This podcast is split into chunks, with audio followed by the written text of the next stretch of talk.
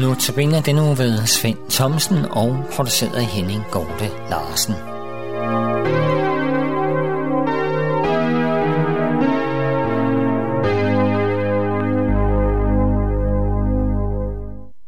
Jeg vil også i dag give dig som lytter et kerneord, som står i vores Bibel. Det er jeg hentet i 1. Thessalonikerbrev, kapitel 5, i vers 24, hvor der står, Trofast er han, som kalder jer. Du behøver ikke at tvivle på, om han svigter dig, for han er trofast, står der, og det kan vi regne med. Flere steder i vores Bibel læser vi om, at Gud kalder på et menneske.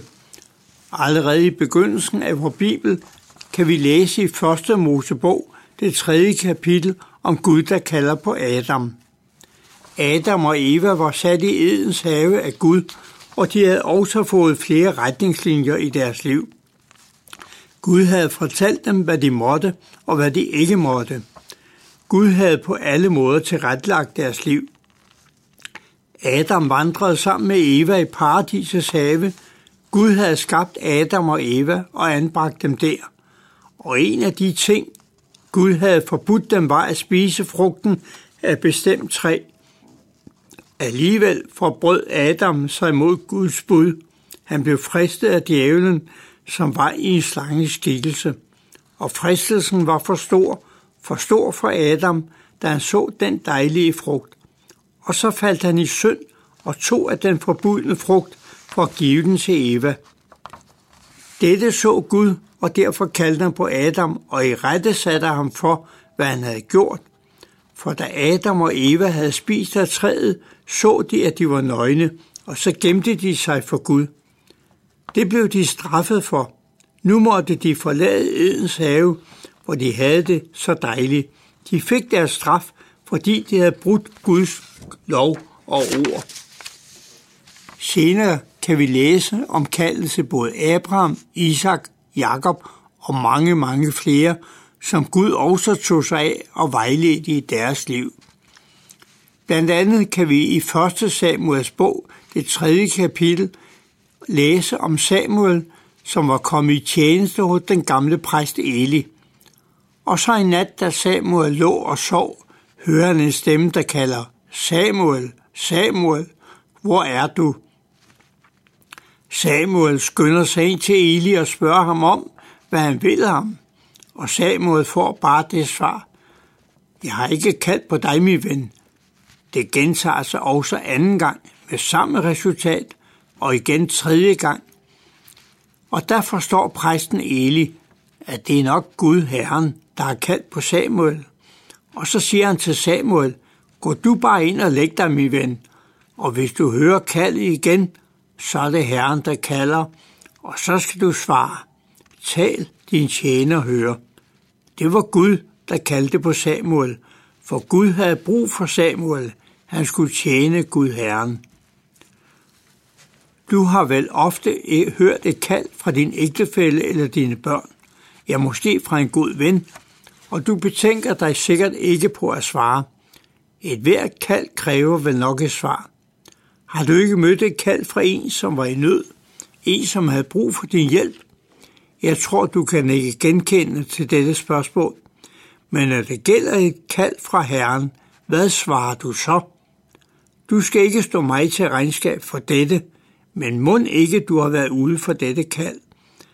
Da Jesus vandrede her på jorden, havde han brug for nogle mennesker, som kunne følge ham. Og her læser vi blandt andet om de 12 disciple, som Jesus kaldte på. Og her kan vi læse om, at de forlod straks alle ting og fulgte ham. De havde alle et erhverv, men Jesus kald til dem var så afgørende for deres sag, at de ikke betænkte sig ret længe. Og i salme 50, det 15. vers står der, Råb til mig på nødens dag, så vil jeg udfri dig. Ja, hvornår er det nødens dag, kan du spørge. Ja, det må du selv mærke, for det er kun dig selv, der kan mærke det. Der er nogle vers, som meget ofte kommer til mig, og de står i Paulus brev til romerne i det 8. kapitel, og der står i vers 14 og 15, For alle, som drives af Guds ånd, er Guds børn. I har jo ikke fået en ånd, som giver trællekår, så I alle skal leve i frygt, men I har fået den ånd, som giver barnekår, og i den råber vi Abba Fader. Ånden selv vidner sammen med vor ånd, at vi er Guds børn. Men når vi er børn, er vi også arvinger, Guds arvinger og Kristi medarvinger, så sandt at vi lider med ham, for også at herliggøres med ham. Tænk, vi er arvinger, hvis vi er børn af Gud. Vi er arvinger af vores forældre. Alt, hvad de efterlader, bliver vores. Gud har givet os sin enborne søn. Vi har fået ham som vor frelser. For alle, som drives af Guds ånd, er Guds børn. Har du mødt det kald, at du blevet Guds barn, der vil du drives af hans ånd og komme til at tjene ham, og det er ikke noget kedeligt job.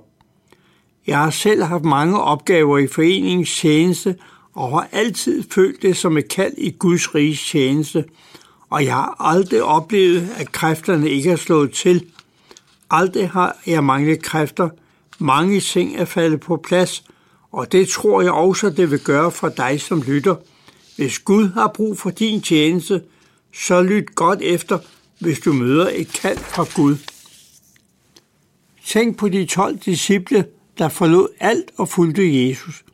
De fik bestemt ikke noget kedeligt arbejde. De kom ud fra mange hændelser, og de fik noget interessant ud af deres liv. Vel kom de også i fare og vanskeligheder, men de havde en trofast herre og mester, som de altid kunne komme til at få hjælp af. De vidste, hvad det betød at kalde på ham, når de var i nød. Tænk også på apostlen Peter, da han var ved at synke. Der erfarede han, at han bare skulle se på Jesus og give ham sin fremstrakte hånd. For der mødte han den fremstrakte hånd fra Jesus og blev trukket op af vandet. Hans hånd i Jesu hånd blev hans redning. Jeg vil igen minde om dagens kerneord, som stod i Paulus brev til Thessalonerne i kapitel 5 i vers 24. Hør, trofast er han, som kalder jer. Du behøver ikke at tvivle på, om han svigter dig, for han er trofast, står der, og det kan vi trygt regne med.